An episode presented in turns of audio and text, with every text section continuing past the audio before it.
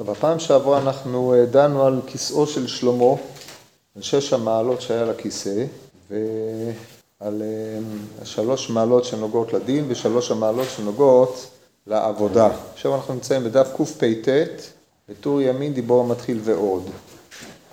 ועוד כי אילו שישה דברים שייכים אל אלוהותו יתברך, כי המשפט לאלוהים הוא. ולכך אמרה תורה שתשים סנהדרין אצל מזבח. לפיכך כאשר חוטא בדין, הוא חוטא באלוקותו, גם כן, כמו לא תיטע לך השירה, לכך פתח בשלושה דברים שהם לדין, והחוטא בהם נחשב שחוטא לשם יתברך, בשלושה האחרונים הוא שחוטא באלוקותו לגמרי.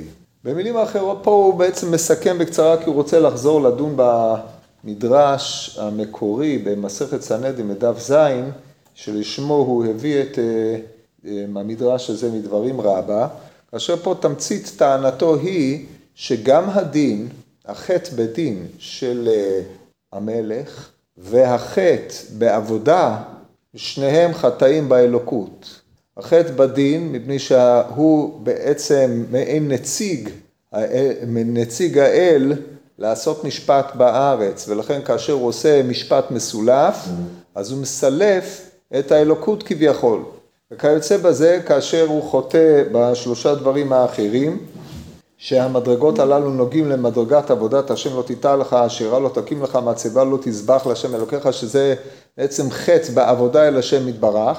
אה, השירה, מצבה וזבח הם שלושה אופנים של עבודה אל השם יתברך, אז אה, שם הוא חוטא באלוקות ממש, מפני שבעצם הוא עובד אל זר. אז אם כן, יש פה הקבלה בין משפט שהוא מסולף בשלוש הדברים הראשונים, שזה לא תתה משפט, לא תיקח פנים, לא תיקח שוחד, לא תכיר פנים, לא תיקח שוחד, שהם סילוף המשפט, לבין שלושה דברים האחרונים שזה סילוף עבודת האל, שזה בעצם עבודה אל אל זר. ולכן אמ, המדרש מחבר אותם יחד ללמדך, וזה נקודת ה... עניין של המהר"ל פה, שסילוף במשפט הוא כסילוף באלוקות עצמה. לכן אה, הוא אה, הביא את, שני, את הדברים הללו, וכעת הוא חוזר לדון בסוגיית, בגמרא הזאת, במדרש שהוא פתח פה במימרא דריש לקיש, המעמיד דיין על ציבור שאינו הגון כאילו נוטע השירה. הזיקה בין אה, הדיין הלא הגון לבין נטיית העשירה מתעשרת עכשיו, מתבררת מתוך הדברים רבה, שהרי מפורש להדיא בדברים רבה שיש זיקה בין דרכי הדין המסולפים, לא תכיר פנים, לא תתה משפט, לא תכיר פנים, לא תיקח שוחד, לבין שלושה האחרונים, לא תיטע לך אשרה, לא תקים לך מצבה, ולא תזבח אה, להשם אלוקיך, השור עושה כל דבר רע. אם כן, לא תיטע לך אשרה נסמך לענייני הדין. וזה מה שהוא רוצה פה. אז הוא חוזר ומסביר את זה כעת, וזה שאמר כל המעמיד דיין שאינו הגון כאילו נוטע השירה אצל מזבח השם, כן? וזה היה צריך להיות תחילת הפסקה כמובן, אבל uh, אין לנו טענות על מדפיסי כתב יד לונדון דיינו שהוציאו את הדבר הזה לאור, מי שזה היה. ופה זה פסקה חדשה שהיא מחזירה אותנו לגמרא בסנהדרין. כל המעמיד דיין שאינו הגון כאילו נוטע השירה אצל מזבח השם, כי הדיין הוא נקרא אלוהים מפני שהמשפט הוא לאלוהים. אם הוא אינו הגון, הוא נקרא אלוהים אחרים ואלוהי ניכר, כי הוא עושה את עבודתו ניכר, זה לא מה שהאל רצה שידונו. וכיוון שהוא כביכול מייצג בדין הזה את האל, הרי שהוא מייצג אל אחר, אל זר, זה אלוהים אחרים. וכאשר, ולכן הדבר הזה הוא דומה ממש לנוטע השירה אצל מזבח השם, שזה עבודת העשירה, זה פולחן אחר ולא עבודת השם. ממשיכה הגמרא ואומרת שאם הדבר הזה נעשה במקום שיש תלמידי חכמים, דהיינו שהם ראויים להתמנות דיינים, אבל הוא משיקולים אלו ואחרים מקדם את קרובו או את אה, אוהבו כדי שהוא יהיה הדיין, אז על זה אומרת הגמרא, במקום שיש תלמידי חכמים כאילו נוטע השירה אצל מזבח, אצל מזבח השם. כי תלמיד חכם שהוא דיין הגון שנקרא אלוהים הוא כמו המזבח אשר אלוקותו יתברך נקרא עליו. והרי בשביל זה אמרה תורה שתשים סנהדרין אצל מזבח. ולכך אמרו במקום תלמיד חכם כאילו נוטע השירה אצל מזבח השם. זאת אומרת בעלמא אה, מעמיד דיין שאינו הגון זה נוטע אשירה, כי נטיית אשירה זה, יש שלוש אשירות, כך אומרת הגמורה, מסכת עבודה זרה, יש אשירה שהיא עצמה אשירה דמשה, דהיינו שהיא עצמה נאבדת, יש אשירה שהיא מסמלת את המקום שבו עובדים, ויש אשירה שהיא אה, בין לבין, כל פנים האשירה הזאת זה או סימון לזה שיש שם מזבח, או שהאשירה הזאת היא עצמה העבודה, היא העניין אשר יהא, אדם שמעמיד דיין שאינו הגון הוא בעצם נוטע אשירה, הדיין הזה הוא אשירה, הוא עבודה זרה. אם הוא עושה את זה במקום תלמיד חכם, תלמיד חכם הוא כמו מזבח השם. באיזה מובן הוא כמו מזבח השם? כי עניינו של המזבח, מלבד היותו מכפר, הוא אה, המקום העבודה, מקום עבודת השם. ולכן כאשר יש מישהו שיודע לעבוד את עבודתו של השם בדין, ובמקום זה אתה מעמיד דיין שאינו הגון, אתה נוטע אשירה אצל מזבח השם, אתה מבטל את המזבח, או האשירה הזאת מורה על שהמזבח הזה הוא לא מזבח השם אלא מזבח אשירה, אתה מסלף את עבודת השם מכל וכול ולכן הדבר הזה חמור יותר, מלבד זה שהוא נוטע אשירה, הוא גם מבטל בזה את מזבח השם, זה פגיעה כמו שהעמדת הדיין הזה מבטלת את הדיין שהיה ראוי להיות דיין, הדבר הזה חמור יותר. ולכך חמור במקום תלמיד חכם כאילו נוטה השירה אצל מזבח השם. רב אשי הוסיף לומר, לא בלבד המעמיד דיין שאינו הגון, אלא המעמיד דיין בשביל כסף וזהב, שמרוב עושרו מעמידים אותו, גם כן דבר זה נקרא אלזר. זאת אומרת, הוא מעמיד דיין בשביל כסף וזהב, דהיינו, מאחר שהדיין הזה עשיר, אז uh, הוא ממנה אותו, ככה הוא מפרש פה, בשביל כסף וזהב, לא שלדיין יהיה כסף וזהב, אלא מפני שלדיין יש כסף וזהב, מעמידים אותו, או במילים אחרות הדיין יודע uh, לשים את מטבעותיו, את כספו והזהבו במקומות המתאימים, ופתאום על ידי זה הם רואים שהוא באמת המועמד הראוי, סיבות לא קשורות כמובן לעובדה שהוא קיבל, הם, הם קיבלו כסף וזהב מהדיין, אבל בוא נגיד שזה במקרה קרה, כן? אנחנו יודעים שאין מקרים בדברים האלה, זה שוחד, ולכן המעמיד דיין בשביל כסף וזהב שמרוב אשרו מעמידים אותו, גם כן דבר זה נקרא אל זר, שמא תאמרו, הרי סוף כל סוף הדיין הזה הוא תלמיד חכם שיודע לדון, שהרי אם הוא לא תלמיד חכם, תיפוק ליה שהוא לא תלמיד חכם, אבל גם אם הוא תלמיד חכם, אלא שהעמדתו נבעה לא מפני שיקולים ענייניים, אלא מפני כספו וזהבו של הזה, זה נקרא אל זר כאשר מעמידים אותו בשביל עושרו בלבד, ובכלל אלוהי חסד ואלוהי זהב, לא, כתוב, כתוב לא תעשו איתי אלוהי חסד ואלוהי זהב לא תעשו לכם, כן? מה ההיגיון בדברים האלה? כיוון שדיין נקרא אלוהים, הרי הוא צריך לעשות את הדברים מפני שהוא מוסכם על העם, לא מפני שיש סיבה חיצונית שבגללה העמידו אותו.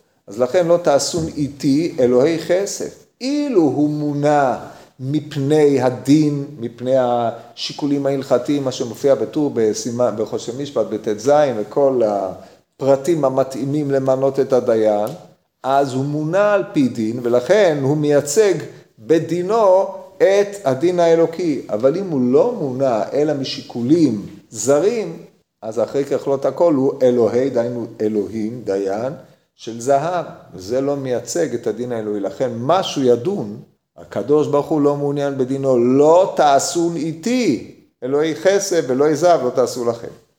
כן. ראינו ברש"י על הפרשה, שכשהוא אומר שיתרו אומר למשה דווקא לקחת נשים שהן עם בעלי ממון, כדי שלא ייקחו שוחד וזה. נכון, אבל אם... אה, אז כאילו זה כביכול גם קריטריון. כן, אבל לא מעמידים אותו בשביל אושרו, כן? בשביל אושרו פירושו של דבר, כמו שאמרתי קודם, שכיוון שיש לו אושר, אם אני אעמיד אותו, יצא לי מזה משהו, או כיוון שהוא עשיר, אז מכבודו של העשיר, לתת לו גם לדון, כן? זה כמו אה, הטיית דין, ב...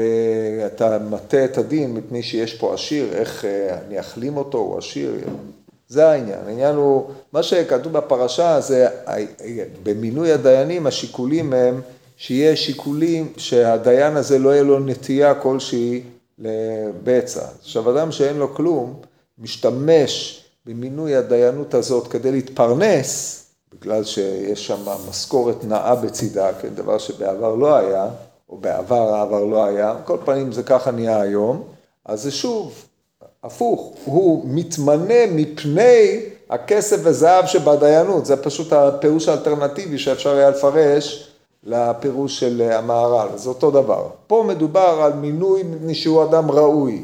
אם אין לו, אין, אין, אין לתלות את הרצון שלו להתמנות בכסף, זהב או בכל שיקול אחר, רדיפת כבוד וכיוצא בזה, אז אתה יכול לצאת מתוך נקודת ההנחה שכשהוא ידון, אלה דברים שלא יעברו את עיניו. ואם מעמידים הדיין בשביל עושרו, הרי עושים אלוהי חסד ואלוהי זהב איתו. רב אמר, עכשיו אנחנו עושים למימרה השלישית, מה שמופיע בגמרא במסכת סנהדרין, רב אמר, רב כי אביעתה לבית דין אמר אחי בראות נפשי לקטע לה נאפיק. זאת אומרת, ברצון עצמי אני יוצא למות, כי אדם שהולך לדון, כמו שנראה עוד מעט להלן, על פי מימרות אחרות במסכת סנהדרין, אדם שהולך לדון, יורד לדין, לדון דין, אם הוא מסלף את הדין, אם הוא טועה בדין, אז יש בו צד של חיוב מיתה, עד כדי כך, כי השם יריב את ריבם וקבע את קובעיהם נפש, אם אדם מוציא ממון מזה ונותן ממון לזה שלא כדין, מסלף משפט.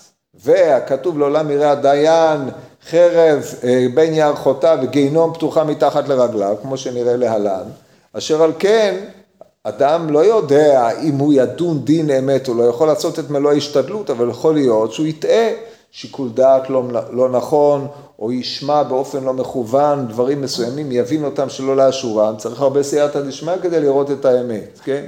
אמנם אין לדיין אלא מה שעיניו רואות, אבל צריך שיהיה עיניים כדי לראות, עיני השכל, ומי יודע אם לא, שיח, לא שיקול דעת מוטעה מסלף את דרכו מתחילת העניין, לכן הרבה צריך הרבה סייעתא דשמיא ותפילות, לפני שאתה הולך לחרוץ דין, כי הדבר הזה הוא ממש המשכת רצון האל יתברך לארץ, הסדרת מעשיהם של בני אדם, כמו שראינו, הדין הוא בעצם חלק מהאופן שבו הקדוש ברוך הוא מנהיג את עולמו, כמו שיש את החוק הטבעי, החוק הפיזיקלי שהקדוש ברוך הוא חקק בעולמו שהוא לא תלוי בנו, יש את החוק שהוא מסר לנו כדי להיות המשכה של ההנהגה של התמדת המציאות בטובה שבדרכים, אם אנחנו מסלפים אותה, תחשבו מה זה היה קורה אילו היה מצטלף חלילה החוק הטבעי כדור הארץ היה יוצא מהמסלול שלו, הסיבוב שלו היה משתנה, הוא היה מאיט את סיבובו, או היה ציר המגנטי של כדור הארץ משתנה בעקבות אי אילו שינויים אלקטרומגנטיים באטמוספירה,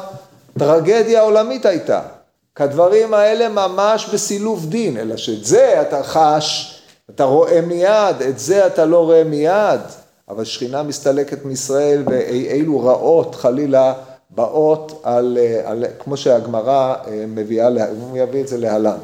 טוב, אז עכשיו הוא חוזר למימרת רב, נראה את זה בקצרה, אמר בראות נפשי לקטלה אזיל, שאדם הולך ברצונו לעונש גדול מפני חומר המשפט שקרוב מאוד שיהיה חוטא בדבר המשפט אשר עליו עונש גדול.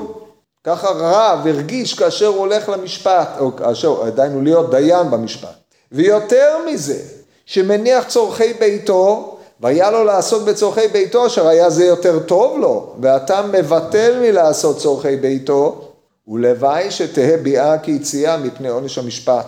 זאת אומרת, כדרך שביעתו בלא חטא, כך יציאתו בלא חטא, ולא יהיה מוטל על כתפיו חטא טעות במשפט. כל כך קשה וחמור עונש המשפט ודבר זה יראה הדיין לפניו. זאת אומרת, זה צריך לעמוד בראש שיקולי הדעת ולא הלהיטות לפסוק את הדין או מה יגידו על בסיס מה שפסקת ועוד אי אילו שיקולים חיצוניים שוודאי מביאים לעיוות הפסיקה. ובמדרש אמר רבן שמעון בן גמליאל אל תהי מלגלג בדין. איך התהיתי שתהיה מלגלג בדין? למה שתהיה מלגלג? זאת אומרת, אל תהי מלגלג. צריך דיוק. שהוא אחד משלושה רגלי העולם. למה ששנו חכמים על שלושה דברים העולם עומד על הדין ועל האמת ועל השלום. תן דעתך שמיתית את הדין שהוא מזעזע את העולם, שהוא אחד מרגליו. רבנן אמרי קשה הוא כוחו של דין שהוא אחד מרגלי כיסא הכבוד. דכתיב צדק ומשפט מכון כיסאיך, חסד ואמת יקדמו פניך. אמר הקדוש ברוך הוא, הואיל וכך עונשו של דין קשה, הבו זהירים בו. אז יש פה כמה עניינים שצריך לדייק בהם, המהר"ל פה מקצר בעניין הזה, אבל בואו נדקדק. קודם כל השאלה הראשונה, למה אה, מי חיטאתי לגלוג, כמו שאמרנו, מי מלגלג בדין? הדבר ראשון. דבר שני, למה ששנו חכמים על שלושה דברים מהעולם העומד, כן, יש לנו שתי משניות בעניין הזה, תחילת מסכת אבות, תחילת אה, פרק כמה במסכת אבות וסוף פרק כמה. העולם עומד על התורה, על העבודה וגמילות חסדים, זה מדבריו של אה, שמעון הצדיק, ואילו בסוף סוף פרק כמה דמסכת אבות, על הדין, על האמת ועל השלום. עכשיו אתם מבינים לבד, דין, אמת ושלום, כולם בני חד הביקטו, אמת ומשפט שלום, שפטו בשעריכם, ככה אמר הנביא. אם כן, שלושתם בעצם סובבים סביב ציר אחד. איזה שלושה רגליים? שלוש רגליים יש פה, הלוא זה רגל אחת מהרגליים של תורה, עבודה וגמילות חסדים או משהו מעין זה. טוב, אז עכשיו בואו נראה מה יעשה, נראה עוד מעט מה יעשה עם זה המהר"ל. לאחר מכן אומרים חכמים תן דעתך אם מיתית את הדין שהוא מזעזע את העולם שהוא אחד מרגליו. זאת אומרת העולם עומד על שלוש רגליים לפי זה דין אמת ושלום. אם זעזעת את הדין הוא לא יכול לעמוד, אין לו יציבות, העולם לא עומד. מה משמעות הדברים האלה? לאחר מכן רבנן מגלגלים את הדבר על כיסא הכבוד עצמו. קשה הוא כוחו של דין שהוא אחד מרגלי כיסא הכבוד. העולם עומד, זה דבר אחד, כיסא הכבוד זה ההנהגה האלוקית, כן, דיברנו כמה פעמים על משמעות המונח כיסא, כיסא זה ביטוי להנהגה, הנהגת המלכות. אם כן, דין אה, הוא אחד מרגליו של הכיסא, צדק ומשפט מכון כיסאיך, דהיינו הכיסא מכון נכון או ניצב על הצדק והמשפט. וחסד ואמת יקדמו פניך הם כנראה השלמות של אה, כיסא הכבוד. אז אם כן, יש לנו גם פה צדק, משפט, חסד ואמת. אומרים גם חסד, גם אמת וגם אה, משפט, שזה מקביל לשלושה דברים שעליהם העולם עומד. פה נצטרף לזה החסד, זה החסד האלוקי, שזה הרגל הרביעית המעמידה את כיסא כבודו, שזה לא נתון לנו, אלא העולם עומד על הדין, על האמת ועל השלום, החסד האלוקי הוא בקיומו של העולם מכוח הכיסא. אמר הקדוש ברוך הוא, הואיל וכך עונשו של דין קשה, שהכיסא נסמך עליו, הבו זהירים בו. עכשיו מסביר המהר"ל את העניין הזה. הדבר הזה מופלג מאוד, וזה, כי אף על פי שהתורה הוא גמילות חסדים גם כן משלושה דברים, שהעולם עומד עליהם, הוא לא הזכיר עבודה, כי אצלו, כבר ראינו קודם לכן, שהעבודה והדין, שניהם מתלתליאן אהדדי, לכן כל המעמיד דיין שאינו הגון כנוטע אשרה, העניין של שש מעלות לכיסא, שלוש של עבודה ושלוש של דין. לכן הוא כולל דין בעמוד העבודה. עכשיו בואו שימו לב מה הוא עושה. אף על פי שהתורה הוא גמילות חסדים גם מן שלושה דברים שהעולם עומד עליהם, אין כוח שלהם כל כך, שאם יצא ממנו, שמזעזע כל העולם. אבל המשפט, מפני שהוא דבר מוכרח ומחויב, אם איתית הרי מזדעזע כל העולם, כי לפי חוזקו וכוחו של עמוד זה, כאשר מבטלו מזדעזע כל העולם. כי לפי גודל השינוי שהוא משנה, דבר שהוא מוכרח להיות, וכך דבר זה מביא שינוי גדול עד שמזדעזע כל העולם, והבן זה. אז זה בעצם חוזר ומסביר את דברי רשב"ג, האומנם? בוא נראה שוב. אל תמלגלג בדין. מלגלג בדין אם כן, אדם שאינו נוהג במתינות בדין, אדם שאינו נוהג כפי ההוראות שהמהר"ל דיבר קודם לכן, הוא מלגלג בדין. זאת אומרת, גם אם אתה חושב שאתה נוהג ברצינות הראויה בדין, כל שאתה לא מייחס לדין משמעות עמוקה, סופך שאתה מלגלג בדין. אתה עושה את הדין כעוד דבר מענייני העולם, כדינם של הגויים, או כדינא דפרסה, או כל דין אחר שהוא רק סידור חברתי, מבחינת מה שאנחנו קוראים הנומוס, כן? החוק, אה, מה שקרוי, יש לנו את התורה האלוקית ויש לנו את התורה שהיא אה, תורת בני אדם, מה שבני אדם אה, חקקו זה על זה כדי להסדיר את ההתנהלות האנושית, זה נקרא לגלוג בדין, שאתה אומר, מה זה משנה אם אתה דן בדין תורה, או שאתה דן בדין פרסאה, או שאתה דן כמו דין הרומאי או דין אחר, זה לגלוג בדין. זה דבר ואומר, כל תכלית הדין איננה אלא להביא איזשהו סידור בין בני אדם כדי שלא יריבו, אז אנחנו חותכים עליהם את הדין, יד אם כך, יד אם כך, זה לא משנה. כי אנחנו לעולם כל האנשים ננהג באופן שווה, מעוות ככל שיהיה. זה נקרא לגלוג. ברגע שאתה מבין שהדין הוא דין אלוהי, ורק לפי הדין שקבע הקדוש ברוך הוא על פיו אתה יכול לדון, אז אתה, אתה נזהר בדין. אם לא, עשית את הדין הזה כדינא דפרסה, דינם של הפרסיים. אז זה, אז זה הלגלוג. עכשיו, מה שעוד צריך להבין, למה ששנו את שלושה דברים, שלושה דברים העולם עומד, על הדין על האמת והשלום, המהר"ל שינה את שלושת הדברים האלה. במקום זה הוא חזר לפרק כמה, למשנה, למשנה השנייה של פרקי אבות, השלישית של פרקי אבות, תורה, עבודה, גמילות חסדים. למה? מה קרה? לא יכול היה לפלפל בדין אמת ושלום, אבל זה מובן שדין אמת ושלום, כמו שאמרנו, הם שלושתם מצטרפים יחד. כי הם בעצם סוג של עמוד אחד ביחס לעמוד התורה וביחס לעמוד הגמילות חסדים. ולכן הוא מוציא את המימרה הזאת מפשוטה. לא אם זעזעת את עמוד הדין, אז זעזעת את כל העולם, מפני שאם אין אמת, גם אין דין, ואם אין שלום, גם אין דין, כי הדין כל תכליתו הבאת שלום, רק אם הוא דין אמת. ולכן שלושת הדברים הללו ראה אותם המהר"ל כרוכים זה בזה, והפך אותם להיות עמוד אחד, כאשר העמודים האחרים הם התורה וגמילות חסדים. ואומר המהר"ל שביחס לתורה וגמילות חסדים, עמוד הדין, שכולל בתוכו את האמת והשלום שהוא כלול בעמוד העבודה, אם אתה מזעזע אותו, זעזעת את כל העולם. מפני שכמו שאמרנו קודם, הדין, כפי שהמהר"ל הסביר קודם לכן, הוא סוג של חוק, חוק אלוקי באופן שהעולם נוהג עכשיו.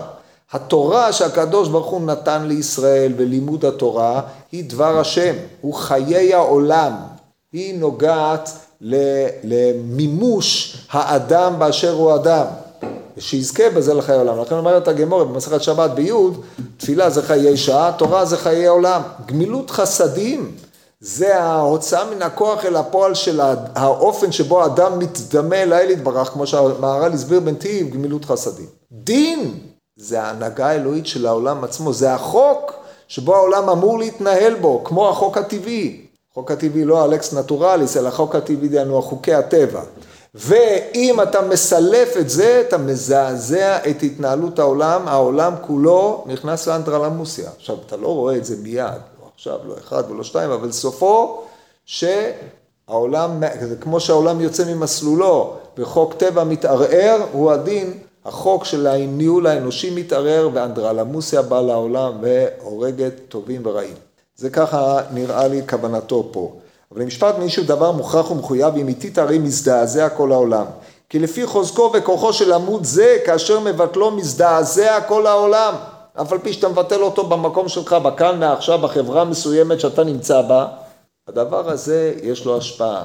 מפני שגם כאשר חוק מזדעזע, חברה מתערערת פה, הדבר הזה יש לו רגליים ויש לו השפעה, ועד שבא זעזוע גדול וצריך לחדש את פני העולם. ודבר זה משינוי ועד שמזדעזע העולם ואבן זה, ואמר כי הוא אחד מרגלי כיסא הכבוד. עכשיו בואו תראו איזה פירוש מרתק לכיסא הכבוד הוא נותן. שבכיסא הכבוד השם יתברך מתעלה. וכי הוא יתעלה, הוא יתברך מתעלה במשפט ובצדקה, כדכתיב ויגבע השם צבאות במשפט. והאל הקדוש נקדש בצדקה, כמו שהתבהר לפנים, כאשר מעוות המשפט כאילו מבטל כיסא כבודו. כיסא הכבוד, מה שמפרש המהר"ל, זה הנהגתו של המלך. הכיסא הוא ייצוג של ההנהגה האלוקית. ההנהגה האלוקית מתגלה, מי שמעמיד את כיסאו, ויקבע השם צבאות במשפט, והאל הקדוש נקדש בצדקה לפי האופן שבו הוא מפרש פה, במשפט שהשופטים שופטים, בצדקה שעם ישראל עושה. בזה נקדש האל הקדוש, זאת אומרת עם ישראל הם הם שכביכול מעמידים את כיסא כבודו, הוא נתן, הוא מסר כביכול את הנהגתו או גילוי כבוד מלכותו, תורת כיסא לעם, או לדיינים, לשופטים, לעושי הצדק ולעושי המשפט. ולכן אומר המהר"ל, שכביכול אתה פוגם בהנהגה האלוקית, כי ההנהגה האלוקית תלויה באופן שבו אתה תנהל את המשפט לפי, הרצ... לפי הצדק והיושר כפי החוק שנקבע. שזה המשמעות של פגיעה ברגלי הכיסא. רגלי הכיסא זה מי שמעמיד את הכיסא, והעמדת הכיסא, גילוי כבוד השם בעולם נמסר לעם ישראל. עד ככה אה, מפרש פה, ממילא למדנו שישנם פה מחלוקת, בשורש המחלוקת בין חכמים לבין אה, רבן שמעון בן גמליאל בעניין, רבן שמעון בן גמליאל דן על הדברים שהעולם עומד עליהם. דהיינו, מה שמחזיק את ההתנהלות השוטפת החוקית של העולם. ואילו חכמים דנים על הגילוי של ההנהגה האלוקית על ידי השם יתברך. ואתה, הדיין שדן דין אמת לאמיתו, שותף למעשה בראשית, הוא מעמיד את כיסא כבודו יתברך, כי כיסא כבוד הוא זה שמכוחו נבראו מעשה בראשית, כמו שכתוב, ורוח אלוהים מרחפת על פני המים, כיסא כבודו בציווי אלוהי רש"י שם במקום. אבל כאשר הדיין מעוות את הדין, יש פגם בהנהגה האלוקית. כאילו רשב"ג מדבר על פגם בהתנהלותו של העולם, אלה שתי בחינות, ובזה מתבאר אה, המחלוקת ביניהם כאן. כן, פרק ב' בפרק כמה דסנהדרין אמר, זה פה טעות, זה צריך להיות דף ז', אמר רב שמואל בר נחמני, אמר רבי יונתן לעולם יראה דיין עצמו כאילו חרם מונחת לו בין ירחותיו וגיהינום פתוחה לו מתח, מתחתיו, כן, זה לא עילה מפתה ללכת להתמנות כדיין, כן, אם אתה לא רואה, אז אתה לא יכול לדון, ואם אתה רואה, אתה בחרדה מתמדת, כן, אף על פי כן כל דן, דיין שדן דין אמת לאמיתו, עשה שותף לקדוש ברוך הוא במעשה בראשית, אין לך מעלה גדולה מזה. וכי תימא אומרת הגמור ביוד בשבת, דין השלמה בעלמא, הקדוש ברוך הוא אלוהים ניצב בעדת אל, נוכח שם. לדין יש משמעות גדולה מאוד, אבל רק אם אתה רואה חרב מול פניך, כן, בין ירחותיו זה מול פניו, וגיהינום פתוחה מתחת לרגליו להיזהר מן הטעות. האם הדבר הזה מביא את הדיין לידי כך שיש לו שתיקה, הוא, הוא משותק מחמת האימה של הדין, מישהו משותק מחמת אימת הדין, מתכבד לרדת מכס הדיין. הוא חייב לפסוק, הוא חייב לדון. אתה לא יודע לפסוק, אתה צריך להגיד את זה, אני לא יכול לפסוק. אבל ביסודו של דבר, דיין שמתמנה, הוא צריך להיות מישהו שלוקח על עצמו את מלוא האחריות על אף העניין הזה.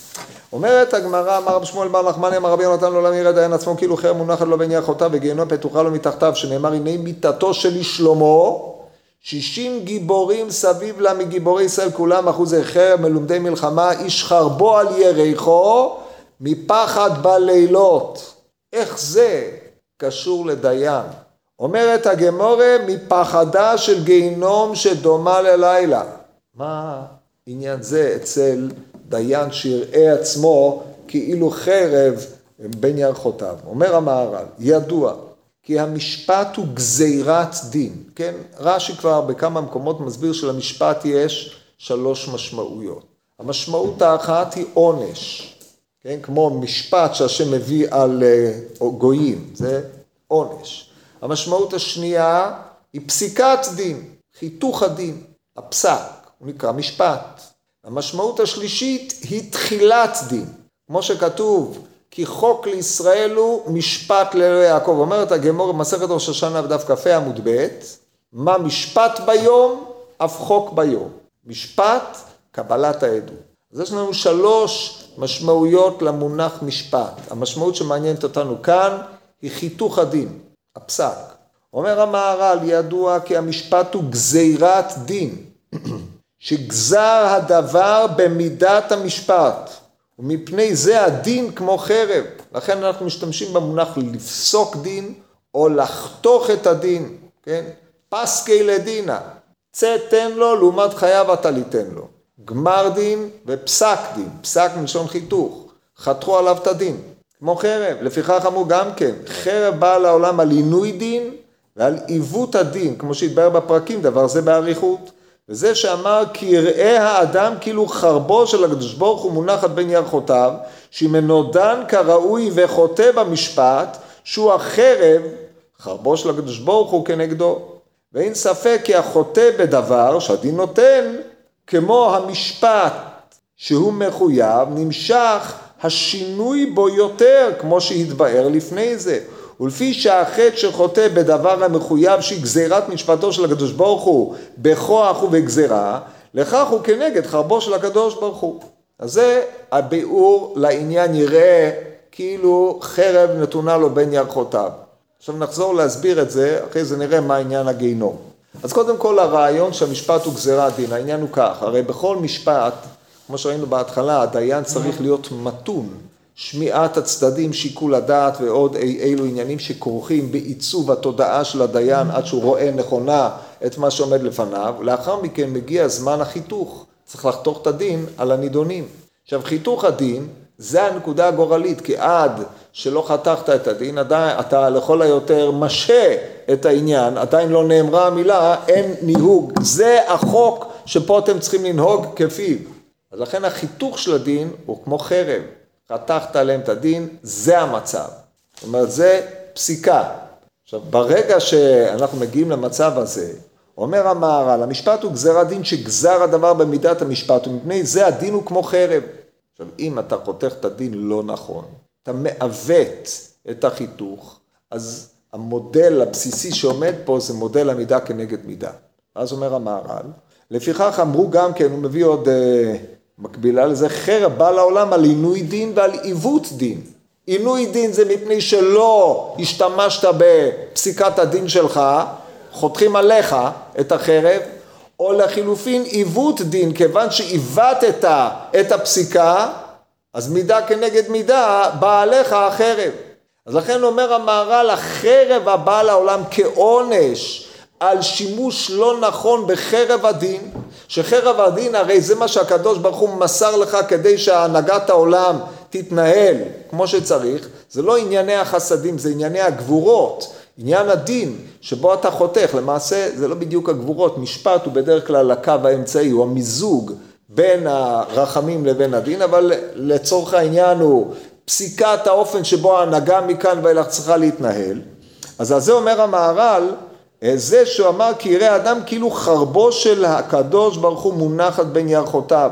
זאת אומרת, אם אתה לא תשתמש בחרב שהקדוש ברוך הוא כביכול נתן לך, שזה כוח השיקול דעת שלך בשכל וההלכה שעל פי אתה מיישם את מה שהקדוש ברוך הוא רוצה, זה החרב האלוקית, אז היא מתהפכת עליך מפני שבזה שהבטת את הדין, ממילא מה שקורה זה שפגמת בהנהגה האלוקית.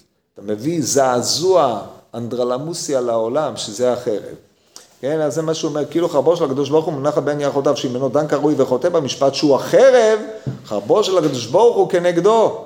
ואין ספק כי החוטא בדבר שהדין נותן, כמו המשפט שהוא מחויב, נמשך השינוי בו ביותר.